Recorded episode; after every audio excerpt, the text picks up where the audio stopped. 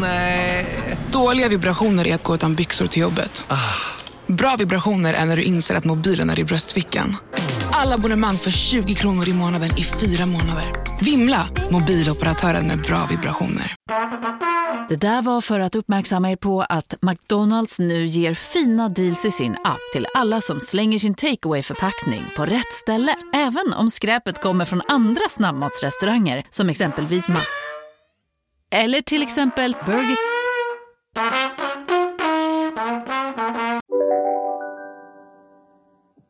Hej och välkomna till podcasten Billgren Wood med mig Sofia Wood. Och med mig Elsa Billgren.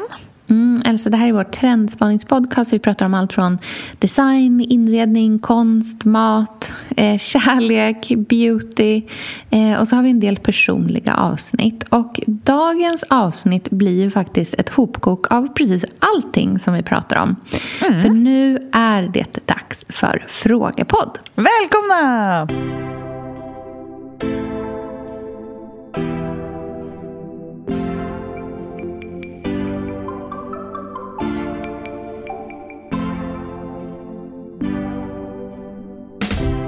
Nej, men jag är så taggad, Sofia. Ja, men det här var så roligt. Vi fick in så fruktansvärt mycket frågor. Verkligen. Vi, vi har för många frågepoddar framöver. Mm, precis. Och jag tror att vissa av frågorna kan vi nog bygga hela avsnitt utav. Eh, mm. Men nu tänkte vi att vi kör igenom tio frågor som vi själva bara liksom gick igång på båda två mm. på direkten. Mm. Det känns kul med många lite kortare än en eller två långa. Ja, faktiskt. alltså ibland kan ju vi bli väldigt liksom långrandiga, tror att vi själva kan känna. eh, och då kan det vara ganska skönt att bara dra igenom dem lite så här ja. också. Trender mm. är ju högt och lågt. Det Verkligen. är stort och smått. Mm. Kör igång. Jag börjar. Om ni skulle göra en makeover på varandra, hur mm. skulle ni välja att göra den? Mode, smink, hår etc. Gud, så spännande. Du får ja, börja. Nej. Um, nej, men jag tänker, vi har ju pratat om det här förut. Alltså, mm. Jag kommer ihåg att du ville göra en makeover på mig ganska tidigt i vår relation. Jag bara, jag tar det som en komplimang. Det var inte menat på det sättet. Bara, jag men jag hade ju rätt. Det jag ville att du skulle prova ja, blev byxor, ju jättebra. Såklart. Det var byxor och nu är, är ju du liten... ansiktet för byxor. Typ. Jag vet. Nej, men det är så mycket det. om byxor. Vet du. Ja. Nej, men det roliga är att det är lite catfight, inofficiell catfight mellan dig och stylisten Malin Rudén om vem det var som var först med att få mig att bära byxor. Jag så var det... ju literally mad när du satte på dig byxor för första gången. Ja, som Malin, Malin Rudén ju... rekommenderade mig mm, att gå och prova. Men det var hundra procent jag. okay. ja, det Jag älskar när din rätta sida kommer fram för folk att ta del av. För jag tror inte folk vet hur ändå liksom du är en prominent vän. Det tycker jag är härligt. Att du, liksom, du, du tar för dig. Det, det är skönt. Att till och med en sån som jag får ta lite backseat ibland. Ja, det är bra. Uh, nej, men om jag skulle vilja göra makeover på dig. Jag fick mm. direkt en flash om mm -hmm. vem som skulle vara din uh, stilguru. Vem jag mm. skulle här, ta inspiration från för hela looken. Och mm. det är den dansk-franska stilikonen Anna Karina. Mm. Mm. Hon var en skådespelerska på 60-talet och hon har den där perfekta eh, cool girl, relaxed, chica stilen som mm. kanske är lite mer liksom men, inte feminin, men mindre lantlig, mindre yoga, mer Paris, mer eh, kostym, mer eh, tofs, mer lugg. Mm. Jag skulle ju liksom vilja göra dig lite mer till mig. Mm. så, men så här, hög tofs med lite sidenband, kanske lite lugg. Raka, mm. smala, svarta, lite korta byxor, nästan så här capriaktiga med typ en låg sko. Och mm. sen en eh, dubbelknäppt kavaj, oversized, stor med kanske en mm. blus i instoppad. Lite mm. mer 60-talschic, lite mer Paris. Det är vad jag hade gjort. Mm. Hade du gillat det eller känt dig utklädd? Um, Nej, men jag tror, alltså det skulle vara spännande att prova någon gång. Jag är ju alltså, otroligt obekväm med att känna mig det minsta lilla utklädd. Mm. Alltså, du har ju sett mig prova kläder och ha mm. så grov ångest under tiden och bara måste ta av mig nu. Men det här är så intressant för att det, det alltså jag, det är väl det. Jag, alltså jag tänker att det skulle vara så härligt att se dig vara modigare i mm. ditt uttryck när det kommer till kläder. Och, alltså så här, ta mer plats. För att jag kan ändå tycka att din personlighet och din humor och din... Eh, du är så liksom... Du har så mycket personlighet. Mm. Jättemycket. Och det vore kul och, om du var så modig i ditt uttryck med kläder och smink och hår någon gång. Men jag mm. vet ju, du vill ju, verk, du vill ju helst ha yoga tights och vara liksom bekväm och relaxed och liksom mm. inte ta för mycket plats. Ja, men jag, jag, vet inte, ja, men jag vet inte om det är att inte ta plats som är grejen, men jag har nog en ganska så specifik, jag har en väldigt specifik stil. Och jag känner på liksom en sekund om ett plagg är den stilen eller inte. Och jag har mm. ganska få plagg som liksom, det är väldigt sällan jag gör felköp. Mm. Om man säger så. Det är sällan jag köper saker som jag sen liksom inte använder. Utan saker och ting hänger ihop. Det finns en väldigt så tydlig röd tråd. Men om jag fick göra en makeover på dig mm. då hade jag gjort dig till mig. Nej, men så här. Jag hade velat sätta dig i liksom så här, herrigare kavajer, mm. kort korta, smala kjolar. Det finns mm. en dansk också då, eh, influencer som heter Marie Hindker. Mm. Och hon har en stil som jag personligen tycker liksom alltid är så här, åh oh, gud, hon är så jädra snygg alltså. För hon mm. har den här liksom perfekta blandningen mellan att ha en kort, lite A-linjeformad jeanskjol med liksom boots, alltså ankelboots som är ganska grova, typ som du vet de där som jag har från Arket. En mm. svart smal polo och sen en jättehärrig eh, marinblå kavaj. Mm. Eh, och det är så otroligt så här, små saker men hon har liksom väldigt ofta just de här härriga kavajerna som inte liksom är insvängda eller någonting sånt där. Det är mycket så här, tunn kashmirpolo, håret innanför kragen, eh, kanske en boxig jacka. Liksom mycket som händer upp till litet och smalt ner till. Ja, det är eh. roligt. Jag tittar på en bild här på henne nu där mm. hon har någon form av ribbad kashmir-body. Mm. Uh. men just den kanske Bekvämt. de flesta av oss inte kan bära.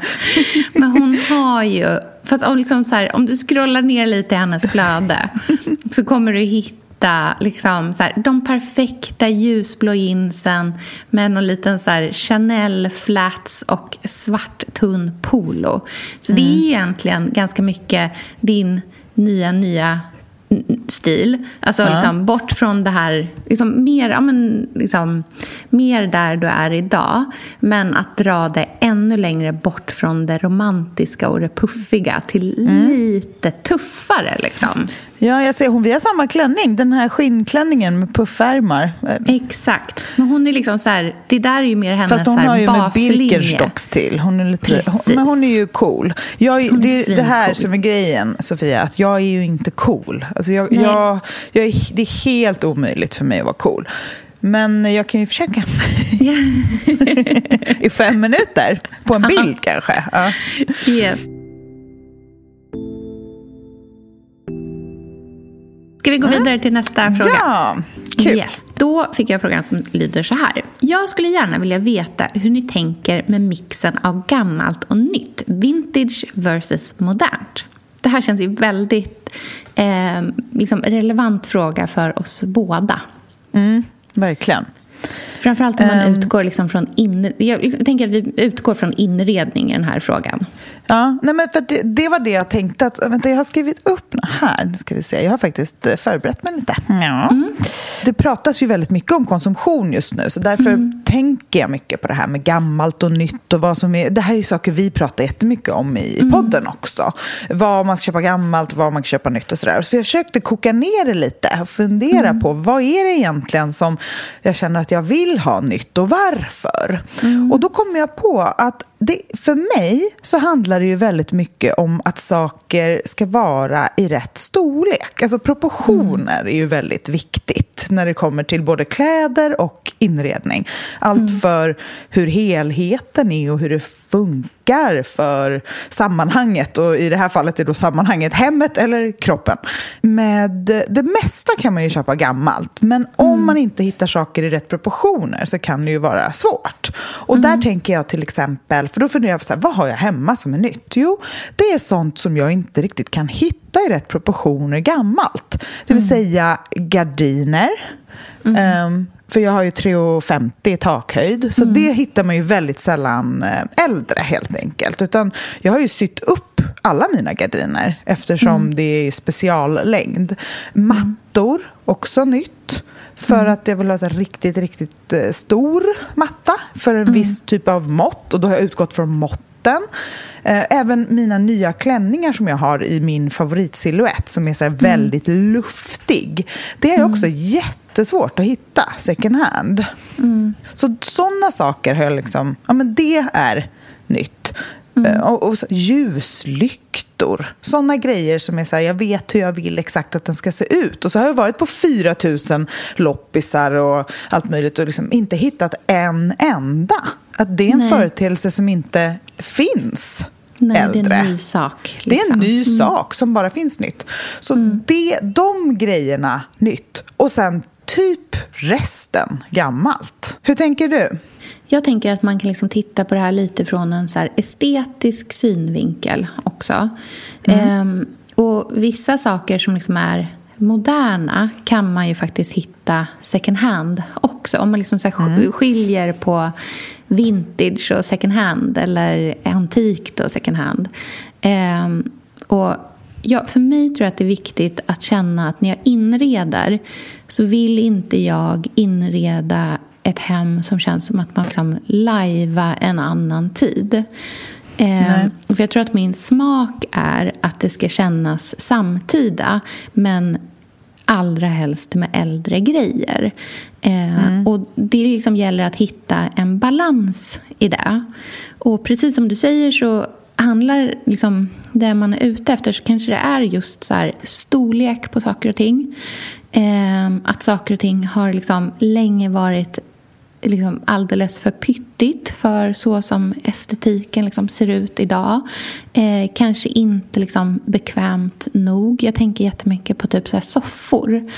Eh, mm. Eller sånt som handlar om det liksom så bekvämlighet är en viktig faktor. För när Andreas och jag flyttade ihop då hade vi en 40-tals sammetssoffa Eh, som var den vi hade när Ruby var nyfödd som jag satt och liksom ammade i. Och det var ta med satan den mest obekväma. Liksom, det var mm. jättefin, men det var liksom som typ ett ryggskott att sitta i den där jäkeln. Alltså, den var hemsk. Jag minns när vi, eh, när vi hade köpt den. Den hade stått på, hade den typ stått på ljus eller något sånt där. Vi hade liksom köpt den. Vi, ja, den hade varit i en butik tidigare. Eh, och så hade vi fått köpa den. Och när vi liksom skulle bära in den i huset så var det en gammal tant som gick förbi och, och såg oss med den här soffan och bara Ja, nu åker de ut, de gamla fula grejerna. Vi bara, nej, alltså, nej den ska in. Hon bara, aha, okej. Okay. Eh, nej, men så att det är en sån sak som man till exempel kanske snarare ska liksom passa tänka att liksom, av bekvämlighetsskäl passar bättre att köpa eh, nytt eller second hand typ på så här Blocket eller Tradera eller sådana saker där det liksom ändå är så här ganska mycket nyproduktion. Eh, mm. med, för att en liksom en, en 20-tals soffa kommer inte liksom möta de behoven som vi har eller de förväntningarna vi har på en soffa idag.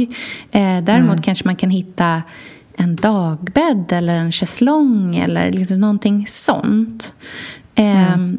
men rent estetiskt så tycker jag ju att det finns en värme i äldre möbler också som jag verkligen så här cravar i mitt hem som är en jätteviktig del. Så för mig är det inte... Det är inte alltså så här, jag ska inte liksom sticka under stol med att jag ska inte låts, försöka låtsas att jag är en godare människa än vad jag är. Men det är en, för mig är det verkligen så att, så här, att jag köper gamla saker till stor del för att jag tycker om hur de ser ut. Och det primära för mig är inte att jag liksom aktivt försöker göra en liksom god miljögärning även om jag verkligen, verkligen vill göra det också. Och det är liksom... Eh, det, är, det är jätteviktigt och jag tycker att det är en viktig fråga. allting så.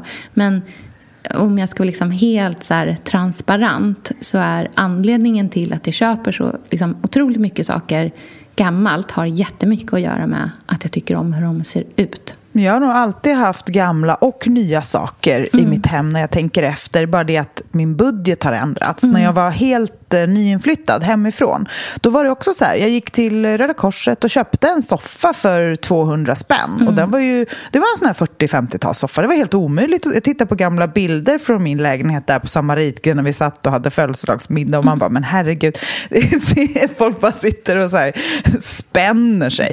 Men, ung. Så, ja, men det var, man var ju ung, man sket ju det där. Det handlar ju inte så mycket om inredning då. Då var det mer så här, gud vilken fin, gammaldags, fin, billig, bra soffa. Den funkar, mm. den har ett hål här men jag lägger en, en, en bit tyg över. Och sen så ville jag ändå ha nya saker också, men då gick jag till ja, men, eh, Lagerhaus mm. eller Ikea eller så, och köpte så här, nya små pryttlar och ställde på hyllan. Mm. Medan idag handlar det ju om att jag, vill liksom, jag har en annan budget idag nu så här många år senare och prioriterar mitt hem mer än den sociala biten. Mm. Det handlar inte bara om att, att ha sitt möbler utan jag vill att det ska vara perfekt för vår familj och det mm. bästa och försöker tänka lite mer långsiktigt så, så nyinköp kan vara lite mer investeringar som ja, men gardin, så här, rejäla gardiner som jag känner har ett lyxigt tyg som jag njuter av varje mm. dag och äldre saker då är det auktionsfynd som en mm. otrolig björkskiva på ett skrivbord som jag sitter och arbetar vid varje dag så mm. jag lägger lite mer krut men jag tror alltid den där mixen mellan gammalt och nytt har funnits där. Ja. Och Självklart kan det ju vara så att man har en absolut miljötänk när man konsumerar hela tiden. Men jag tror också att vi är många människor, precis som du, som det sitter i det sitter i många andra saker. Mm. För mig är det så självklart att man nästan alltid köper allt gammalt för att det är var jag kommer ifrån. Mm. Ehm, jag har aldrig sett mina föräldrar gå in i en ny affär någonsin Nej. under hela min uppväxt. Så jag har inte, det finns liksom inte den tanken, utan det blir så när man känner att man behöver. Och sen kan man ju vara superengagerad och då, då fixar man det. Att man hittar de där gardinerna i rätt längd, då löser man det. Det är klart mm. att allt går att lösa, men det handlar ju helt enkelt om var på skalan man är och hur mycket nytt och hur mycket gammalt och det där vet man ju själv vad man är, vad man är bekväm med och vad man mm. trivs med. Mm. En annan sak som jag bara vill liksom tillägga där innan vi går vidare till nästa fråga också är ju att när man köper nya saker, om man liksom gör så här väl valda eh, inköp av nya grejer så behöver man liksom fortfarande ha samma så här kvalitetstänk på det. Och för det möjliggör ju faktiskt även att man kan bli den första kedjan i liksom en second hand-resa eh, för saker och ting ut, liksom efter ens egna ägo också. Eh, så att om man köper nya saker så tror jag att man också ska tänka att liksom, det här är någonting som jag sen säljer vidare om den dagen kommer. Att man liksom behöver göra det för att ens förutsättningar ändras eller man flyttar eller vad det nu kan vara. Liksom. Men att man tänker att även nya saker går att sälja vidare. Att det inte bara är så att liksom, auktionsobjekt är inne i den här liksom, cykeln utan att, att man kan vara liksom den första kedjelänken i det där också.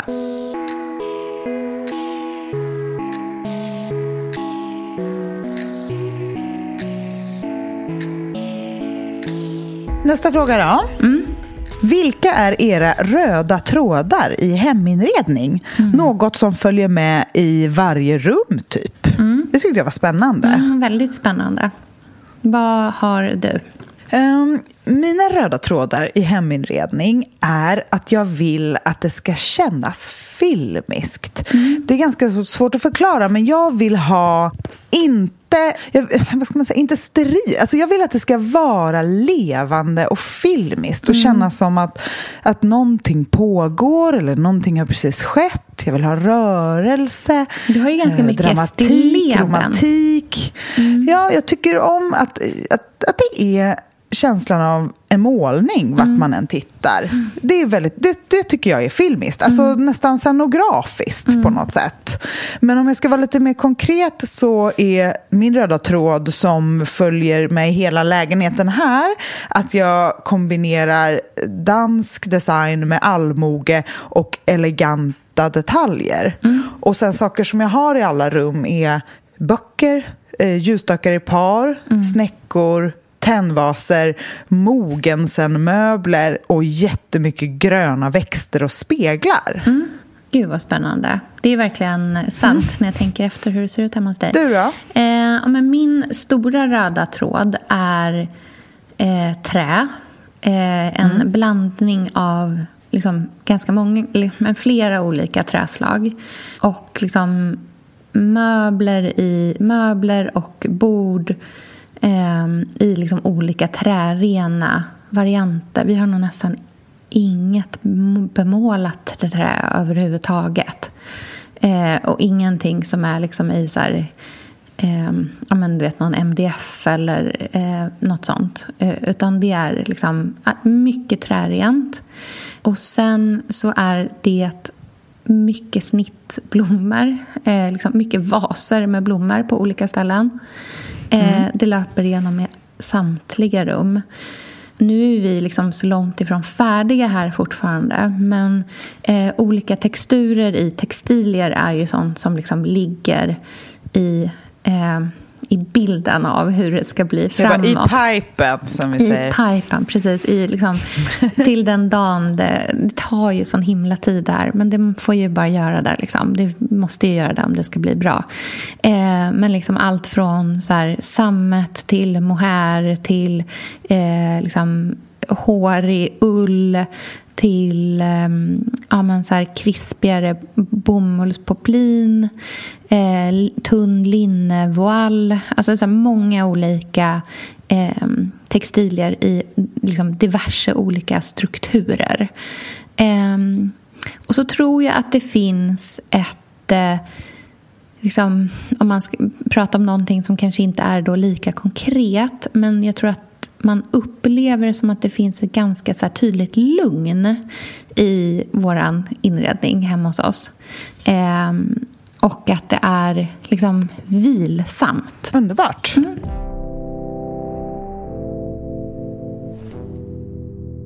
Säg att ni skiljer er. Hur skulle ert nya datingliv se ut om ni fick gissa, inom parentes, önska? Jag älskar det där önska. önska. alltså, lite så här. Hur det hade är så varit? spännande. Ja. Nej, men alltså, det, här är så, det här är så spännande. Ja. För att det är också väldigt lätt att tänka på de här sakerna utan att ha en så grisig skilsmässa som mm. sker samtidigt. För det måste ju vara det, det jobbiga i en skilsmässa är ju att man är så färgad av det emotionellt så mm. det är mm. svårt att tänka klart i mm. att hur man går vidare. Mm. Men i en hypotetisk situation så kan jag ju utan att känna sorg eller ilska eller oro eller någonting fantisera ihop den ultimata nyskild situationen. Ah. Uh, och därmed tänker jag så här, man kanske kan sprida lite inspiration till mm. folk. Vem, vem, vet? Men jag tänkte så här, eftersom jag utgår från den situationen som jag har nu, det vill säga man och barn, mm. uh, alltså att man har barn, då skulle man ju leva ett varannan vecka-liv, mm. antar jag då skulle jag passa på, alltså i den här hypotetiska världen där jag är eh, tillfreds med den här situationen, mm. ha kanske ett varannan vecka. Tänk dig att man träffar någon eh, kille som också har barn. Det tycker mm. jag känns viktigt. Jag skulle vilja träffa någon lite äldre man. Mm. Eh, tänker mig en arkitekt i Köpenhamn. Mm. Som, som liksom är etablerad där. Ja. Och jag vet inte hur man ska hitta den här personen. Men kanske genom, jag tror inte Tinder is the way to go när man är så 35 plus och nyseparerad. Även om jag skulle, jag skulle hellre vilja bli ihopparad mm. med någons kompis. Eller mm. liksom jag skulle be om att få lite dejter, tror jag. Mm. Och sen då i den här hittepåvärlden träffa en arkitekt i Köpenhamn. Inte vara arkitekt, men mm. han bor i Köpenhamn. Mm. Så att varannan vecka lever jag liksom datingliv i Köpenhamn. Mm. Och varannan vecka är jag mamma här i Stockholm. Mm. Alltså istället för att försöka hitta en perfekt, exakt likadan situation som det är nu på något sätt skulle jag testa att få allt på en och samma gång. Mm. Få liksom leva ett dubbeltliv. Mm. Ja, få, få göra allt det där som som jag inte kan göra nu. Mm. Alltså, utvidga livet. Känner inte att jag behöver vara sambo så himla mycket. Att det kan få vara lite mer kreativt mm. eh, eh kärleksliv som mer handlar om att uppleva saker och verkligen leva fullt ut på något sätt. Mm. Inte att försöka återskapa en ny familjelivssituation. Eh, utan att testa någonting annat. Mm. Jag känner också Hur känner du? Nej, men jag känner att jag hade inte heller velat liksom ha mer av samma. Utan det hade ju varit en, liksom, en sväng på vägen till någonting liksom, som man hade velat skulle leda till någonting annat, som ett till spår. Liksom. Precis som du säger, ett, så här, ett liv i Köpenhamn varannan vecka eller vad som helst. Grejen är så här, jag är inte så rädd för den liksom, möjligheten. Eh, jag har ganska många vänner som är skilda eller som har liksom... Ja, går, jag har en vän som alldeles nyligen har gått igenom en skilsmässa och det är ju liksom fruktansvärt jobbigt precis när det liksom brinner. Men min erfarenhet av hur liksom det ter sig efter ett tag är väldigt positiv. Och jag har liksom ganska många personer i min närhet som liksom lever varannan vecka-liv och tycker att det är ganska härligt. Eh, som har möjligheten att jobba utan att känna något dåligt samvete åt något håll varannan vecka. Som liksom passar på och lever eh, ut med de sakerna som inte funkar i liksom en familjelivsvardag och sen då har sina liksom familjeveckor och, och då är 100% närvarande i det. Inte slöskrollar på Instagram medan barnen kollar på liksom Bolibompa utan det så här, sitter med och är med i 100%. Liksom. Så att jag tänker mm. att det man hade velat liksom göra är väl att leva livet ännu mer närvarande på ett sätt som kanske är svårt att göra i en familjelivsvardag för att den är så liksom lågintensivt intensiv varje dag. Att mm. man liksom, ibland kan jag känna att man i det här liksom barn, liksom, hämta, lämna, jobba, liksom, allt det här som man håller på med hela tiden. Att det gör att man gör saker lite på... Alltså man, gör, man går igenom alla rörelser på rutin. Och att ibland kan man så här, vet, lägga sig i sängen på kvällen och bara, vad hände idag egentligen? Alltså att man nästan inte... Alltså man har ju varit där och sen samtidigt kanske man nästan inte har varit där för att man har bara liksom... Var det idag jag stekte pannkakor eller var det idag som var för tre dagar sedan som jag stekte pannkakor? Vilken, alltså förstår du vad jag menar? Ja, gud. Och det där både älskar och hatar man, tycker ja, jag. Ja, verkligen. Det finns så mycket så för och nackdelar med det. Men liksom, jag har en vän som ja, har gått igenom en skilsmässa och nu träffar en så också då en äldre man som är så, så här, han är Eh, liksom, ja, han har inga barn, han har liksom valt att inte skaffa barn men han är otroligt liksom, passionerad kring sitt eh, yrke. Eh, och liksom, han är så klar. Han har liksom inga issues. Han är så, så här, trygg i sig själv och har liksom, kan ge henne jättemycket. Det finns ingen så här, konkurrens dem emellan på något sätt. och de träffas inte så jättemycket men när de gör det så är det liksom så här, du vet, nej men det är så passionerat. Alltså du vet, de berättelserna är Nej, men, alltså, man, men det är ju nyckeln, det här med att inte träffas så mycket. Ja. det tror jag.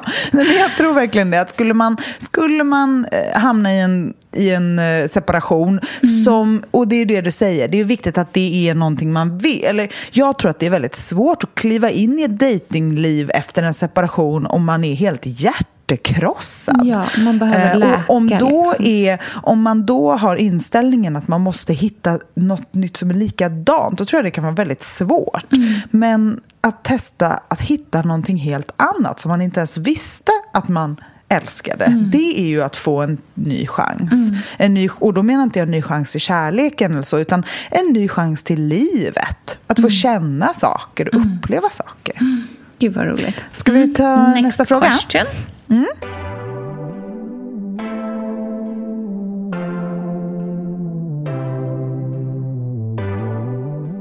Oh, det här är spännande. Om ni var tvungna att bygga nytt, vad hade ni fokuserat på för att få en härlig ombonad känsla? Mm. Material... Ja, och sen, sen fanns det ingen mer plats i frågan. Mm. Jag vet exakt jag vad jag hade fokuserat på.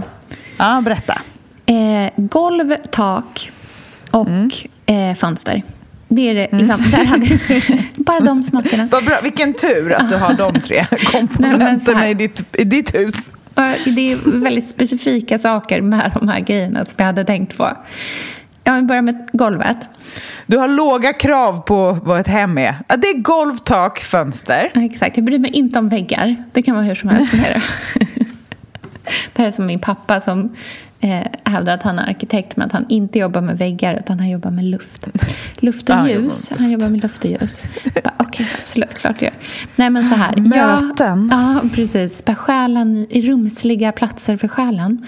Eh, nej men så här. Jag hade fokuserat på ett golv i ett solitt material av något slag. Det kan vara liksom träplankor eh, istället för en liksom, tunn parkett. Det skulle kunna vara eh, sten eller liksom, till och med betong. Men jag hade liksom velat, liksom, verkligen fokuserat på det gedigna i golvet.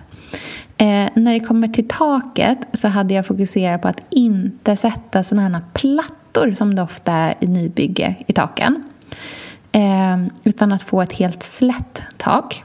Jag tyck, hade inte velat sätta in någon liksom stuckatur eller något sånt där. Utan jag kan tycka att det är jättevackert med att bara ha, hålla det rent och egentligen tidsenligt. Jag kan nästan föredra det framför att man sätter in en, liksom, en stuckatur som tidsmässigt kanske inte riktigt hör hemma i ett hus. Liksom. Jag kan gilla den liksom, känslan av äkthet. För det är väl det som man mm. förknippar med det gamla väldigt mycket. Mm. Eh, och sen hade man ju velat ha liksom, så många och så stora fönster på så många mm. ställen som det går. Det är där jag tänker att liksom så här, för det är nog just den här liksom äkthetskänslan som är vad vi vurmar så mycket med i, eh, när, i och med den här liksom allmänna känslan kring, kring att det finns någonting som är väldigt vackert i det gamla, liksom, i gamla hus. Jag håller helt med dig om att jag skulle vilja att det kändes nytt om mm. det var nytt. Jag skulle nog ha ganska svårt för att ha ett nybygge där jag ja, försöker få till den mysiga känslan genom att det ska se ut som någonting äldre. Det tror mm. inte jag alls på. Vet du vilket eh, arkitektritat hus som är mitt absoluta favorithus och mm. som är så mysigt och fantastiskt? Mm, berätta. Eh, det är eh, Kvarnhuset. Mm. Vart ligger det? Vad är det för någonting? Jag känner igen det här. Ja, eh, Kvarnhuset är byggt av vingårdarkitekter. Mm. Och det är alltså bara 93 kvadratmeter stort. Och det som är fantastiskt med det är just att de inte har krämat på. Jag kan tycka att många nybyggen blir alldeles för stora. Mm. Jag fattar inte vad man... Det känns som att det har blivit någon trend att det ska vara så enorma kvadratmetrar. Och de här enorma vardagsrummen med upp till nock och åt alla håll och kanter. Och så, ska man, så lägger man enorma mattor i som ser ut som små pluttar. Och så är det, där är det soffdel och där är det köksdel och där är det... Alltså, då tycker jag att det är klart att det är svårt att få till myskänslan om det är för mycket rymd. Utan jag skulle nog lägga krutet på eh, omgiv, alltså, tomten är det absolut viktigaste. Om tomten känns gedigen, uppvuxen, eh, lummig, levande. Och det som är så fint med kvarnhuset är att det ligger vid en gammal kvarn. Alltså det finns ett vattendrag där. Eh, och det är Ehm, det är ju, man vill ju ha mycket fönster där man får en fantastisk utsikt och ljus och rymd, men inte så mycket krusiduller. Nej. Och jag skulle också vilja ha ett, tänk dig ett inbyggt badkar, alltså ett badrum som, där badkaret är en del av arkitekturen. Mm. Det hade varit drömmen. Nej, men, så rymd, alltså att känslan av rymd tycker jag är viktigare än kvadratmetrar. Att man på något sätt lyckas få till den luftigheten. Och blanda mycket ek och kalksten. Och den ombordade känslan skulle jag... För då tänker jag att man vill inte ha så mycket möblemang om man har nybygge. Utan då vill man ju hålla det, det här... Elsa, vi är ju sponsrade av Bosch. Älskar. Älskar att vi båda nu har varsin serie 6 köksmaskin. Det har varit hembakt morgonbröd hela veckan. Det är det lyxigaste jag kan tänka mig. Är inte det en god barndom, så säg. Ja, alltså, om det här inte är idyllen. Men grejen är så här. Jag vill ju ha alla de här sakerna. Jag vill ha nybakt, hembakt bröd på morgonen. Ja. Men just nu i mitt liv så är det mycket som får stryka på foten. För att jag har inte tid. Men med den här otroliga maskinen så hinner jag baka bröd. Den sköter liksom allting själv. Jag behöver inte ens knåda. Jag sätter på den och den gör knåderörelserna åt mig. Alltså, serie 6 har ju sju stycken sensordrivna automatiska program. Ja, När jag hör den hör meningen, ja, Ja. då känner jag så här, jag kan inte misslyckas. Nej! Den, alltså, degen blir perfekt. Mm. Det är som att jag har lagt ner jättemycket tid och energi på det här brödet när det jag har gjort är att hälla saker i en skål och trycka på en knapp. Underbart. Mm. Nej, men man bakar ju som ett proffs och jag tycker om att baka enkla grejer och de Ja. blir ännu enklare med Bosch serie 6. Alltså, jag har ju haft Bosch i mitt liv ganska länge Mm. och speciellt på landet. Så för mig är det förknippat med att det blir gott, det är mysigt Mm. och det är tryggt för det blir riktigt bra varje gång. Man väger ju också sakerna direkt i skålen, så det blir Mm. inte tusen olika saker som måste diskas och som är krångligt. Det är verkligen sänka ribban. Men Bosch har ju tänkt ut vad vi skulle kunna misslyckas Ja. med och eliminerat de faktorerna så att det blir bra varje gång. Och Man kan ju också prova hemma i 100 dagar Mm, med fri returrätt. Ja. Och, så att Bosch vill ju verkligen att vi ska vara nöjda med produkten. Det är väldigt bra att man kan få testa på hemma Ja, man kan vara verkligen. extra säker på att det funkar. Mm. In och läs mer om Bosch köksmaskin serie 6 och köp den hos Power. Mm, tack Bosch. Tack! Sofia, vi har ju den stora äran att Mm. jobba tillsammans med Krav. Mm. Det är Det- så fantastiskt att de sponsrar den här podden, tycker jag. Mm, det, jag är så stolt över det. Jag är också väldigt, väldigt stolt. Mm. Kravmärkt mat, det är ju mat som produceras utan naturfrämmande bekämpningsmedel och som Mm. bidrar till en biologisk mångfald. Och jag väljer ju Krav när jag handlar för att jag vet att det blir bra i varje led. Ja. Från jord Mm. till bord. Mm. Det blir godare och det blir bättre för alla inblandade. Ja. Nu är det ju tiden för vårprimörerna. Mm. Nu börjar de allra första komma. Mm. Och när man köper kravmärkta vårprimörer, Mm. då är det som att man får smaka på våren så som den ska smaka på riktigt. Ah. Den första kravmärkta svenska sparrisen, Ah. det är en högtidsstund. Det är det. Och sparris som är kravmärkt, man ser det på primören. Den är grönare, den är knotigare, den har karaktär. Mm. Den är så god att Mm. äta rå. Mm. Det behövs inte mycket mer än Nej. lite smör och flingsalt. Och så har man en förrätt. Vet du vad jag gjorde faktiskt på kravmärkt svensk sparris? Eh, blancherade i kanske 30 sekunder. Mm. La sen rakt ner i ett isbad. Mm. Skivade jätte, jättetunna skivor. På med kravmärkt olivolja, Mm. flingsalt och ett kravmärkt pocherat ägg. Och tänkte verkligen, Ja, allting på den här tallriken mm. är kravmärkt. Allting smakar otroligt. Så Man, himla gott. Verkligen. Mm. Det finns så himla mycket gott som jag är sugen på. Och jag tänker verkligen att vi alla ska ställa krav i korgen ja, när vi handlar. Det var en bra mm. eh, sägning, för det är precis så som man ska tänka. Ställ krav i korgen. Tack snälla krav. Tack krav. Sofia, den här veckan har vi ett jättefint och viktigt samarbete med Plan International, mm. en av världens största och äldsta barnrättsorganisationer med verksamheter i över 80 länder. Och nu tänkte jag att jag ska berätta för alla, för dig och för alla som lyssnar här om eh, Asiato, som är 15 år gammal och kommer från Sierra Leone. Den här berättelsen visar också hur vi kan göra skillnad för flickor faktiskt. För trots mm. sin unga ålder så har Asiato redan upplevt väldigt mycket smärta. Hon har blivit utsatt för våldtäkter under hela sin barndom. Och eh, hon berättar att hon inte vågade säga någonting om de här övergreppen till någon. Och att hon därför inte hade någon runt sig som märkte något förrän hon blev gravid. 13 år gammal. Man är så liten mm. när man är 13. Mm. Kan du tänka... Alltså jag, nej, jag, det är svårt att mm. tänka sig att ett barn ska bli barn, mamma vid, i den mm. åldern. Men tack vare Plan International så har hon fått stöd och bearbeta allt det här fruktansvärda som hon har varit med om under så många år av hela sin barndom. Och nu mm. så är hon mer hoppfull inför framtiden igen. Ja, barn ska inte föda barn. Och vill du vara med och kämpa för att flickor som Asiato ska få en barndom fri från våld och sexuella övergrepp, bli flickafadder för 125 kronor i månaden hos Plan International på flickafadder.se. Eller om du hellre vill ge en engångsgåva så kan du swisha till nummer 900 14 70. Eh, alltså 900 900 14 70. Tack Plan International.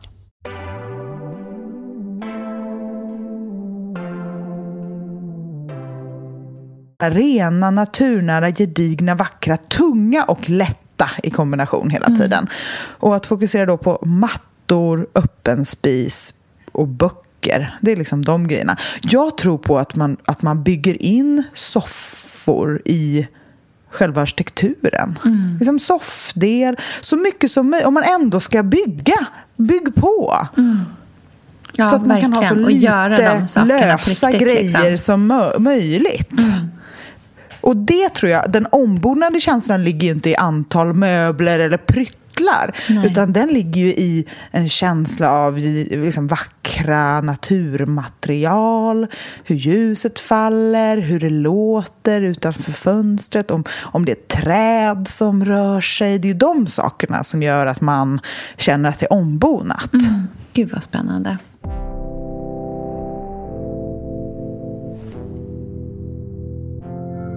Då har jag fått frågan som lyder så här. Starkaste inspiratörer, svenska som internationella, på mode och inredningshimlen? Mm. Mm.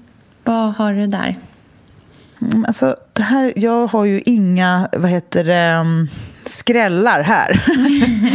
jag kommer inte överraska någon. Men alltså, jag kan, de som jag alltid återkommer till som inspiratörer mm. um, när det kommer till inredning då, i Sverige, svenska, då är det... Jag tycker ju att eh, Marie-Louise Sjögren är bäst i Sverige på att inreda. Mm. För att hon ser varje föremål och men hon ser varje föremål som ett smycke mm. och lägger verkligen, vågar ta ut svängarna med storlek och kombination. Mm. Och eh, tycker att hon alltid ligger hundra steg före. Och det finns någonting poetiskt, stilla, verkligt mm. i det hon gör som är en... Det finns så många svenska inredare som gör så här fantastiskt. De får priser och det är liksom wow, coola soffbord och otroliga former på soffor och det är walk-in closet i något trä. Hej och jag, jag känner liksom att jag bara ser fotona av det. Mm. Att det inte är eh, det där livet som ska levas. Nej. Det är svårt att få till. Mm. Men en, eh, det tycker jag att Marie-Louise Sjögren verkligen får till. Mm. Känslan av liv i, i allt det vackra. Mm. och sen så om man ska kolla lite utanför Sverige så tycker jag att Rosie O'Nacki har en, hon är ju Marie-Louise inspiration, hon är ju en brittisk inredare som mm. vi ofta återkommer till här i podden. Mm. Um, och hon är ju också en designer, så hon designar ju möbler själv. Det. Mm. det. är, alltså hade man fått, alltså tänk om man fick göra det Sofia. Nej, alltså, men alltså, tänk, nej men, Billgren Wood möbelkollektion. Oj, oj, oj, oj, oj, mums. Ja. Um, nej men hon har ju det här eleganta, tidlösa film, det där att tiden står stilla. Mm. Men det är ändå mjukt och går att leva i. Mm. Det är till för människor, inte för att fotas. Mm. Det är väldigt härligt. När det liksom känns ja, det väldigt oposerat på det sättet. Liksom. Ja, men för inredning kan vara så himla så här. Det är de här designgrejerna som är heta nu. Då ställer vi dem i en viss formation och sen så tar vi bilden. Det är mm. inredning. Mm. Och, men det är så konstigt för att inredning är ju hemmen vi lever i. Mm. Ja, det är verkligen sant. Alltså. Man får inte glömma det. Det, är så det kan bli, nästan kännas så obehagligt när det känns som att det är så, liksom så poserat och att man så ser det typ genom en kamera, liksom, kameralins mm. i princip. Ja, man inreder liksom. efter Instagram, är ja. hela idén. Mm. Um, och sen när det kommer till mode så bara tänkte jag direkt på uh, Blanca Miró som jag tycker ja har så fin stil och inspirerande. Mm. För den är, det är det här lekfulla, färgglada, crazy. Men hon gör det ändå precis så som inredningen. Allt, att det är liksom till för att bäras på något sätt. Mm. Mm, jag förstår precis. Det är väldigt härligt.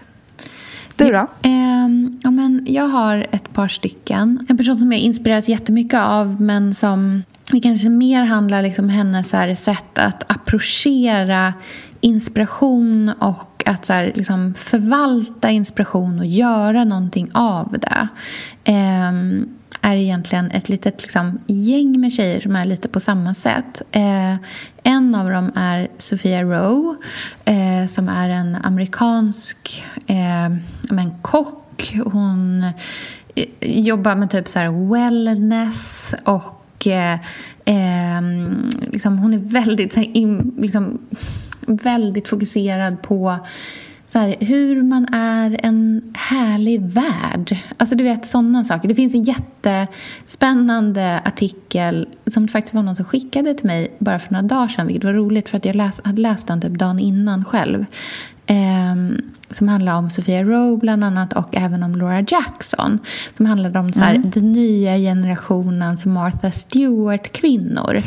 Mm. Eh, som jag liksom kände en sån så här otrolig resonans i. Ingen liksom vidare liknelse mellan mig själv och varken Sofia Rowe eller Laura Jackson för den sakens skull. Men eh, jag tyckte ändå verkligen om liksom så här, jag blev så inspirerad av att kunna liksom prata om det här med att ha en, så här, en stil hemma eller ett sätt att så här, förhålla sig till hemmet som handlar jättemycket just om så här, välmående, om omtanke, om att få andra människor att känna sig liksom, avslappnade.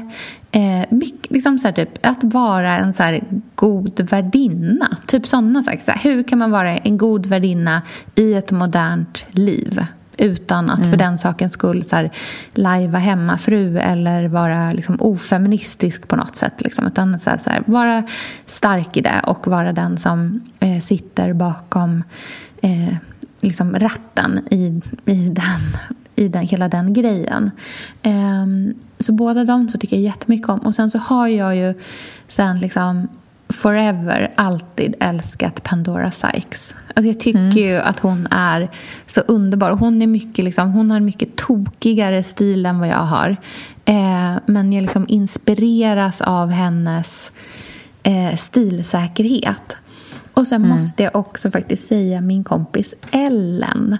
Mm. Eh, som jag tycker är så otroligt konsekvent.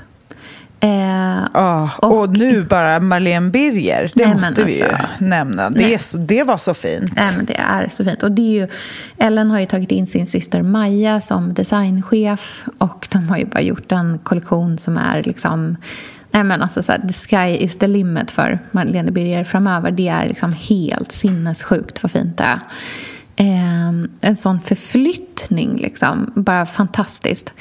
Eh, nej men jag, och jag liksom beundrar Ellen. Så här, hon är estet ut i fingertopparna oavsett om det är den stilen man själv har eller inte. Men liksom hon det är nästan irrelevant och jag liksom inspireras så mycket av henne. Så här, hon, hon är benhård i, i att saker och ting behöver vara så estetiskt tilltalande för mm. att hon mår bra av det.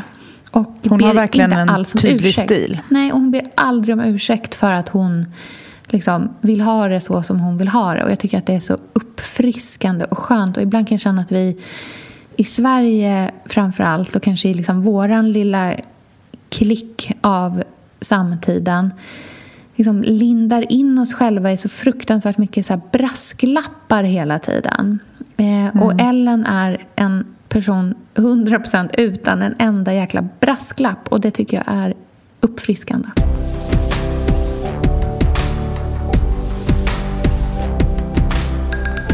Nästa fråga då. Mm. Gärna en uppdaterad analys av trenderna inom temat bar, ja, barnrum. Mm. Ja. Gud, jag har förberett på badrum, men det får vi ta nästa gång. ja. Eh, trenderna inom temat barnrum slash visa fram i sociala medier. Mm.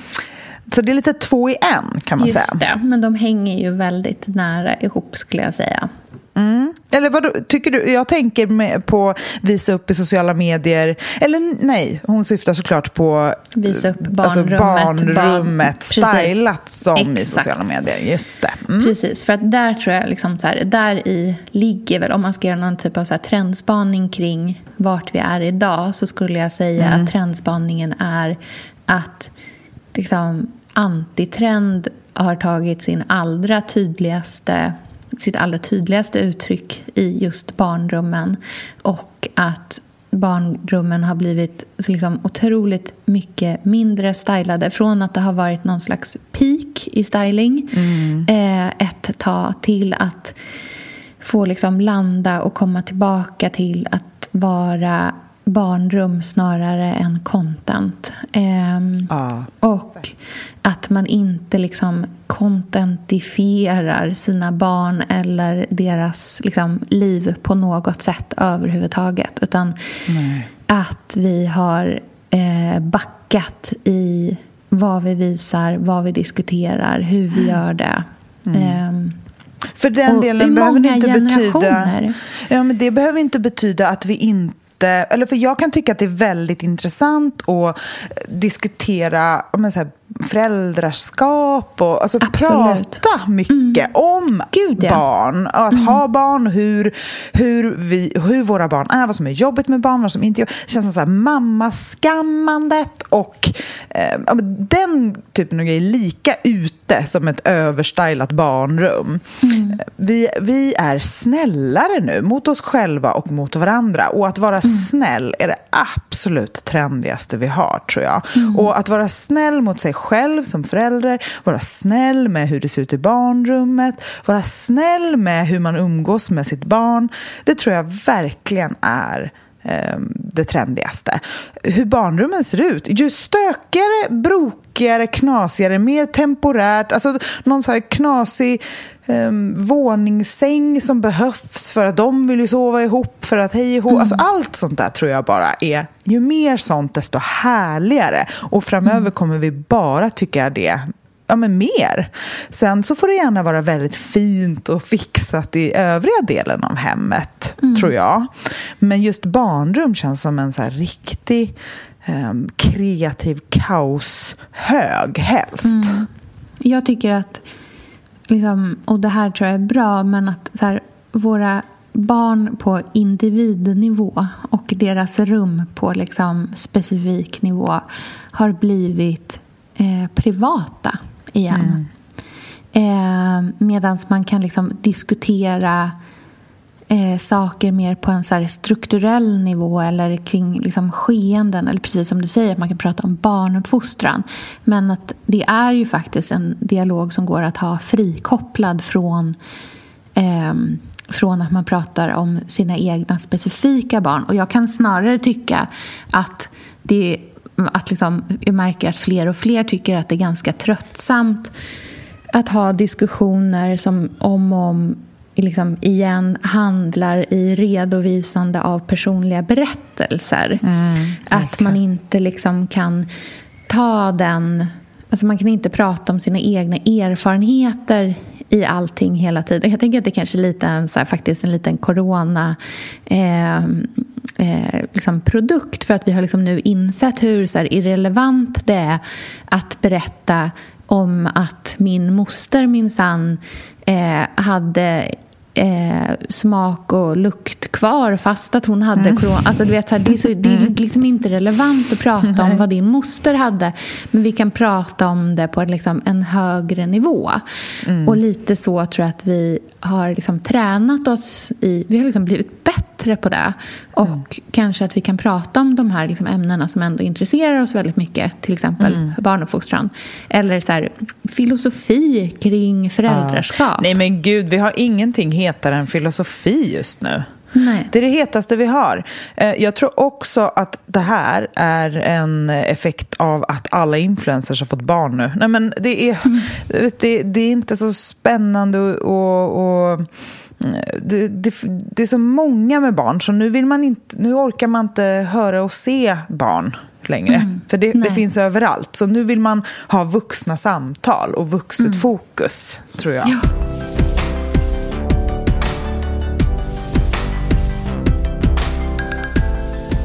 Finns det någon stil du tycker är fin men som inte är du?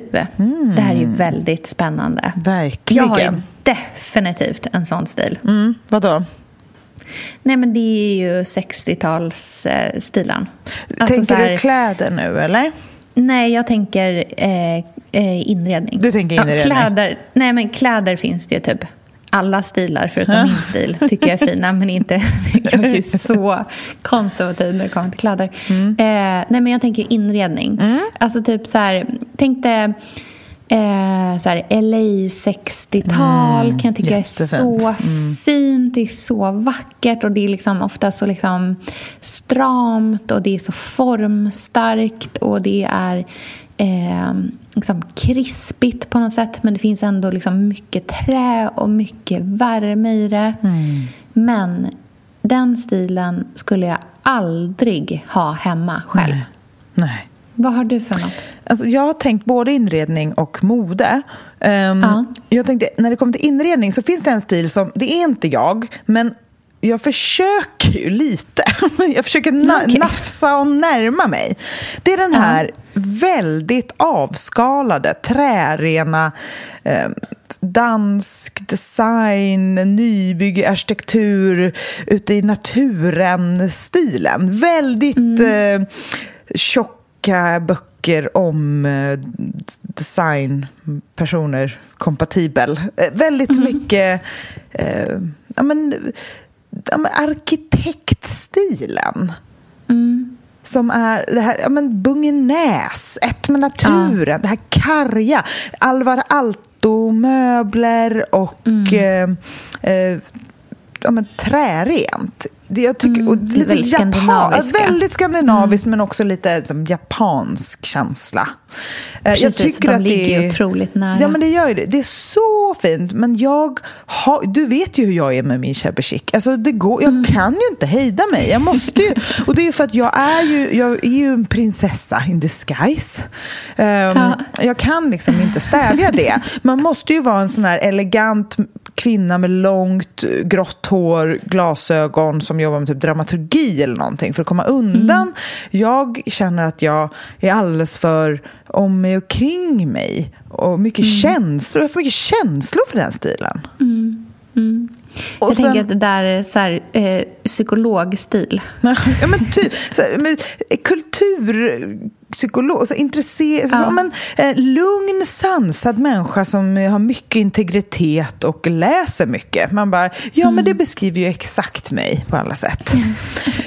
Um, jag tror väl, det är väl det. Alltså, hobbypsykologen då inom mig säger att jag, jag drömmer om någon form av inre lugn och därför dras jag mm. till ett uh, lugnt uh, sammanhang rent inredningsmässigt. Men jag hamnar ju inte mm. i det mm. för att alla mina hem ser alltid ut som någon så parisisk ligga-svit. Mm. Som... Um, ja, men Sakta det bara... men säkert går det mer ditåt. Ja, men det, ja. det, det, får vara som det är. Och sen när det kom till mode så tänkte jag, jag tänkte på um, Alina Brane som är mm. designer för Gant. Mm, hon är inte där längre tror jag inte. Nej, okay. Men det, hon, ja, hon jag följer henne på mm. Instagram mm. och jag, jag, stannar ofta vid hennes bilder för hon har en stil som verkligen är tvärt min. Det är mm mycket så sport och herrreferenser.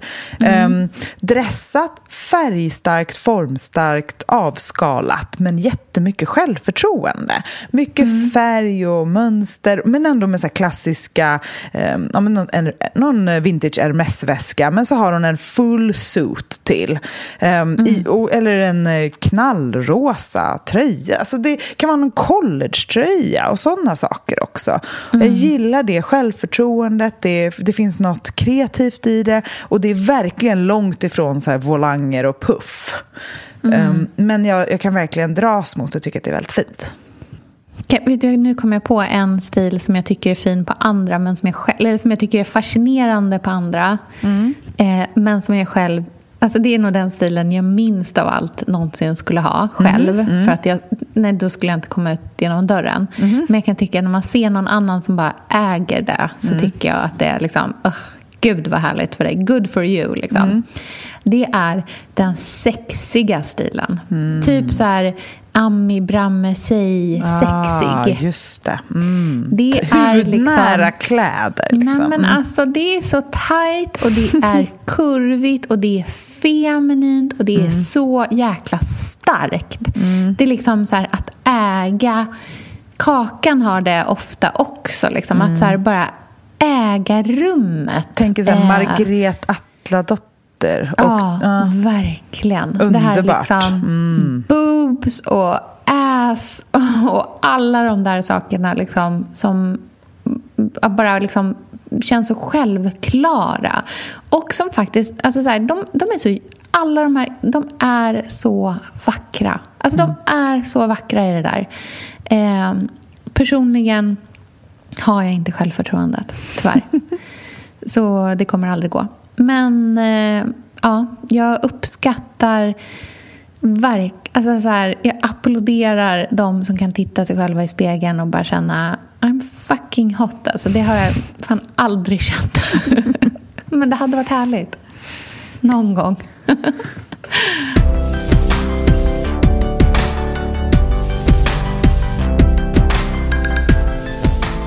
Jag har en rolig fråga här. Mm. Trenden att folk på Insta har så hård ton mot sina följare numera, typ mm. tipsa inte, kan allt. Jag tyckte det var ett ja. roligt exempel. Ja.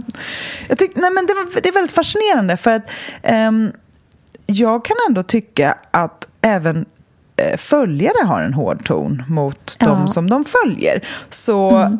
det här hör väl samman väldigt mycket. Mm, verkligen. Jag eh, tycker också att det är väldigt spännande med den här trenden och eh, i liksom egenskap av att ta emot väldigt många DM så skulle jag säga att det här ganska mycket är liksom en spegling av den tonen som man tar emot. Mm. Eh, och sen vet jag liksom inte riktigt vart det börjar. Alltså, jag tänker att det, liksom, det ena föder det andra och det är svårt att säga vad som är hönan och ägget i det där. Men jag tror att det, så här, det är dels en del av en så här, typ av internethumor eh, som liksom, en del av hela liksom, den här meme-världen som vi lever i där det är så här kort och snärtigt och det finns liksom det går ju otroliga så här, trender i mm. tonalitet. Mm, eh, och just nu är internettonalitet väldigt långt ifrån hur vi pratar med varandra face to face. Alltså vi ja. skulle aldrig ha den tonen. Jag tror att det är väldigt få som, av dem som liksom skriver vissa saker som någonsin skulle säga prata på det sättet mot ens ansikte om man träffades på riktigt. Liksom. Mm. Eh, så jag tänker att det, det är liksom väldigt mycket en trend. Personligen är ju jag dragen till att tycka att det hade varit jättemycket najsare om det hade varit liksom softare åt båda hållen. Ja. Förstår du vad jag menar? Men det jag, kan uppskatta ju. med den här hårda tonen, och, och ja. båda håll. Så här, från mm. följare som är så här, vad fan håller du på med, gör inte sådär, till eh, konton som är så här, hej, jag vill inte ha några tips om någonting. Eller vad det nu kan vara.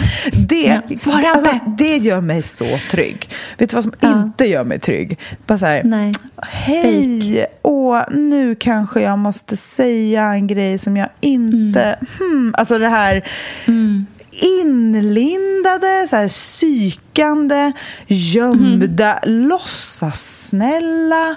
Eh, mm. Att man på något sätt, eller ännu värre, det här med att man vill dra, att man vill dra ner brallorna på folk. Att man känner mm. njutning i att komma på någon. Den mm. trenden kan bara gå och dö, tycker jag. För det tar fram mm. det absolut värsta i folk. För jag tror inte att det finns här ett gäng människor som är perfekta människor men har den tonen av någon mystisk ande. De är jättebra men är också jättebra på att komma på folk och säga att det, utan det är ju bara ett så här, vem har den retoriken bäst? Vem mm. kan snacka på det där sättet bäst? Jag får bara totala mm. flashbacks från högstadiet när man stod och tappade orden och bara jag kommer inte på något att säga och gick mm. därifrån. Men det betyder ju inte att man var den som, som gjorde något sämre än den som sa till. Det var bara det att man inte var lika snabb och kvick och kanske mycket mer naiv. Jag känner mm. att det i alla fall mer trevligare sätt att vara på. Och det måste mm. omedelbart bli lite mjukare. Att man inte vill dra ner brallorna på någon. Att, känner man glädje i det, då får man se sig själv i spegeln en liten stund, tycker jag. Mm. Så därför kan jag ändå känna att så här, den här hårda trenden, raka trenden, eh, den, den ser jag i alla fall, den är tydlig. Mm. Den vet du vad den är? Liksom. Ja, men den vet jag. Och mm. den, är liksom, den innehåller i alla fall lite respekt, både mot sig själv mm. och mot den andra. Mm. Jo, men, jo, absolut. Men jag tror, så att, jag tror att jag tänker någonstans att min så här, livsfilosofi är jättemycket eh, att så här, saker och ting jämnar ut sig på en tioårsperiod. Det är mm. liksom, så tänker jag med allt. Eh, och att man liksom inte behöver gå, och det betyder bland annat att man liksom inte behöver gå i strid för varje liten detalj hela tiden. Och jag tror så mycket på att försöka vara liksom the bigger person. Mm. Eh, och att så här, ha den liksom så här, jag vet inte, gracen på något sätt som människa. Att varken behöva liksom, tillrättavisa andra åt något håll. Eh, att inte behöva liksom, tillrättavisa sina följare, inte behöva tillrättavisa den man följer. Och jag tror att vi ibland kan nästan känna att vi har kommit in i någon så här konstig... Eh, någon konstig liksom, väg där vi ska berätta för varandra vad vi tycker om varandra hela tiden. Mm. Eh, och där kan jag känna att så här, de flesta, ja, jag vet inte, jag tänker bara att man vinner så himla mycket på om man kan försöka att så här, lyfta sig över varje liten så här, små detalj som man inte håller med om. Även om det är att man är så här, trött på att folk liksom kommer med så typ Google-tips som man mm. själv hade kunnat googla fram. Eller om det är att man är trött på att någon ställer fel typ av fråga eller vad det än kan alltså Jag menar verkligen att det här liksom går åt båda hållen. Mm. Eh, men det är säkert en del i att jag är en ganska så här, konflikträdd person också. Mm. Men, Gud, jag med. Men jag tycker att jag tror att man vinner så fruktansvärt mycket på att så här, försöka gå genom livet och lyfta sig själv över de små sakerna och låta så här, saker och ting slide. Alltså det är, jag tror ja. att det är en väg till lycka. Jag tror att folk och har som, det finns många som har som hobby det där. Alltså att man har ho mm. hobby är att på internet tycka och vara rapp och lite liksom snärtig. Mm. Och då tänker jag att det är lika viktigt för oss konflikträdda att här, se det och backa från det mm. och inte typ bli drabbad varje gång. För jag kan känna att så här, Nej, det dränerar precis. mig för mycket. Så att det är bättre ja, att men då får man se till sin egen litenhet menar jag. Att så här, folk kommer hålla på på alla möjliga sätt för att det är underhållning. Mm. Internet är underhållning. Mm. Um, och då får man bara hålla sig utanför rum som tar för mycket energi och kliva in Exakt. i rum som ger energi istället. Mm, verkligen. Och där tror jag, så här, om, någon, om jag liksom så här, avslutar med någon typ av så här, framtidsspaning om så här, vart jag tror tidens anda är på väg efter att det liksom har varit i en så här, tid där vi kanske är liksom på toppen av berget just nu men där vi liksom bara är så här indränkta i åsikter och tyckande åt alla håll och kanter. Och från, liksom, från högt och lågt och vänster till höger och det bara går runt, runt, runt, runt. runt så tror jag liksom att framtiden ligger i att börja liksom värna om sin egna integritet mer och att börja så värna om vilka rum man så genuint mår bra av att vara en del av tyckandet och eh, liksom välja bort sånt där man inte gör mm. det. Jag själv kan verkligen känna att jag så här, den senaste tiden har fått jättemycket insikter som handlar om att jag liksom så börjar inse att så här, det här vissa saker är liksom inte en bra plats för mig att vara på. Och då istället för att jag ska eh, genom liksom kämpa det bara för att man ska så kommer jag istället bara ta ett steg ut ur det där mm. rummet och inte vara där. För det är inte, det är inte bra för Nej. mig. Då behöver inte jag vara där.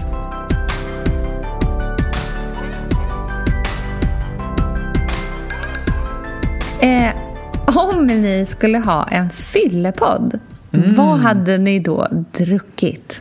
Mm, det här är sista mm. frågan, eller hur? Ja, det är det. Underbart. Vad eh, hade du druckit? Nej, men jag stannar vid den här bara för att jag tycker att det verkar så spännande med fyllepodd. Jag är både livrädd och aspepp mm. på en sån grej. Nej, men eh, det är ju det givna svaret. Man hade ju druckit eh, bubbel hela vägen. Men skulle vi kunna ha en fyllepodd? Jag tror inte det. Tror du inte? Tror, tror du att vi skulle kunna det? Nej, det tror jag faktiskt Nej. inte. Jag tror inte... Eh, jag tror inte att det finns eh, utrymme Inget för... tak är så högt, så att säga. Nej, verkligen inte. Det hade inte gått ner väl. Det, alltså det, nej, det är hundra. Jag, jag vet vad, det är så, jag skulle aldrig sätta mig i den situationen. För att fasiken vad man har fått lära sig på sistone vart gränsen går. Alltså, yikes. Men det är en spaning i sig. Man ja. behöver inte dela allt i alla kanaler. Det finns Nej. någonting väldigt härligt med att man har sina DM-trådar där man får ha lite mer högt i tak. Och sen mm. det som sägs ut i eten eller skrivs i inlägg, vare sig det är eh, ja, men blogginlägg eller kommentarer eller vad det än kan vara. Mm. Det kan få vara lite mer eh, genomtänkt och arbetat ja. med. Tycker du inte? Ja. ja, verkligen. Och tyvärr kan det också då kanske innebära att eh, den mer liksom officiella eh, kommunikationen kanske blir lite tråkigare för att den är lite korrektare. Men vi är ju också i en tråkig tid. Alltså mm. helt ärligt så är vi ju, lever vi ju i en tid som är eh, ganska trist. Liksom. Mm. Och då är det svårt att eh, försöka rida på någon annan häst helt plötsligt. Men, Men det är bra att ha tråkigt. Fått... Det, ja. det, har jag fått lära mig. För då blir man också väldigt duktig på saker. Jag tror att ja. vi alla har blivit väldigt duktiga på mycket sistone. Mm. Ja, så kanske inte är riktigt lika nära, men det kanske inte gör någonting heller. Men vad hade du haft i glaset? Ponera att vi hade haft den här podden för tio år sedan, fast med din smak idag. Då. Att det hade gått att ha en fyllepodd idag. Vad hade um, du druckit? Vad hade jag druckit? Jag hade druckit eh, gin fizz eller mm. eh, Paul Roger champagne. Mm. Gud, du då? Trevligt. Jag hade druckit... Alltså jag är helt besatt av en champagne just nu som är... Nej men alltså den, det är det godaste jag druckit. Det är den absolut godaste champagnen jag någonsin har druckit. Mm, den heter Leclerc Briant Millism Extra Brut 2 2013 ska den vara ifrån. Oj, den wow. finns i beställningssortimentet på Systembolaget. Och är... Nej men det är som att...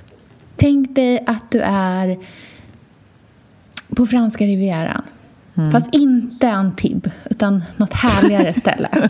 okay. Mindre, eh, mindre eh, turistigt.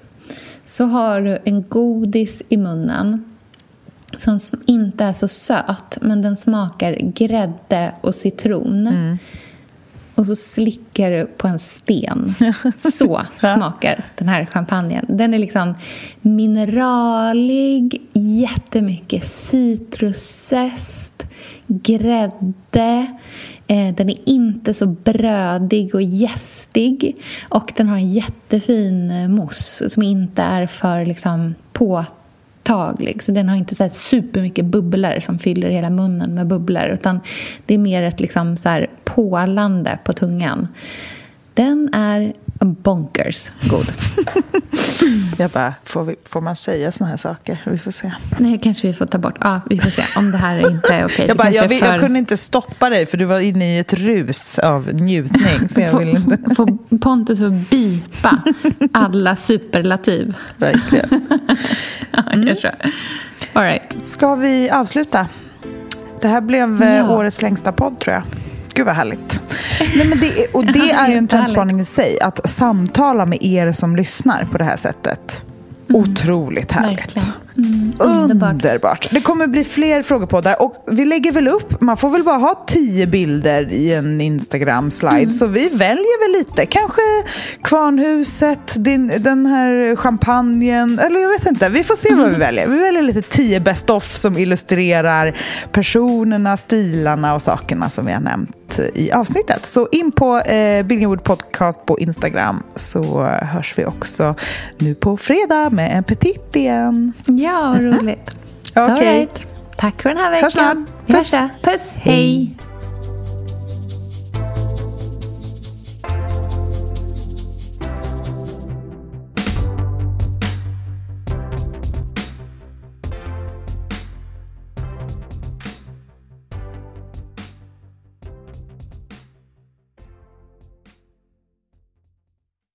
En podd från Allermedia. Lyssna på en ekonomistas podcast om du vill lära dig mer om pengar och hur pengar påverkar ditt mående. Med mig Pingis. Och med mig Hanna. I samarbete med Nordax Bank. Hej, Synoptik här. Visste du att solens UV-strålar kan vara skadliga och åldra dina ögon i förtid? Kom in till oss så hjälper vi dig att hitta rätt solglasögon som skyddar dina ögon. Välkommen till Synoptik. Hej, Synoptik här. Så här års är det extra viktigt att du skyddar dina ögon mot solens skadliga strålar. Därför får du just nu 50% på ett par solglasögon i din styrka när du köper glasögon hos oss på Synoptik. Boka tid och läs mer på synoptik.se. Välkommen!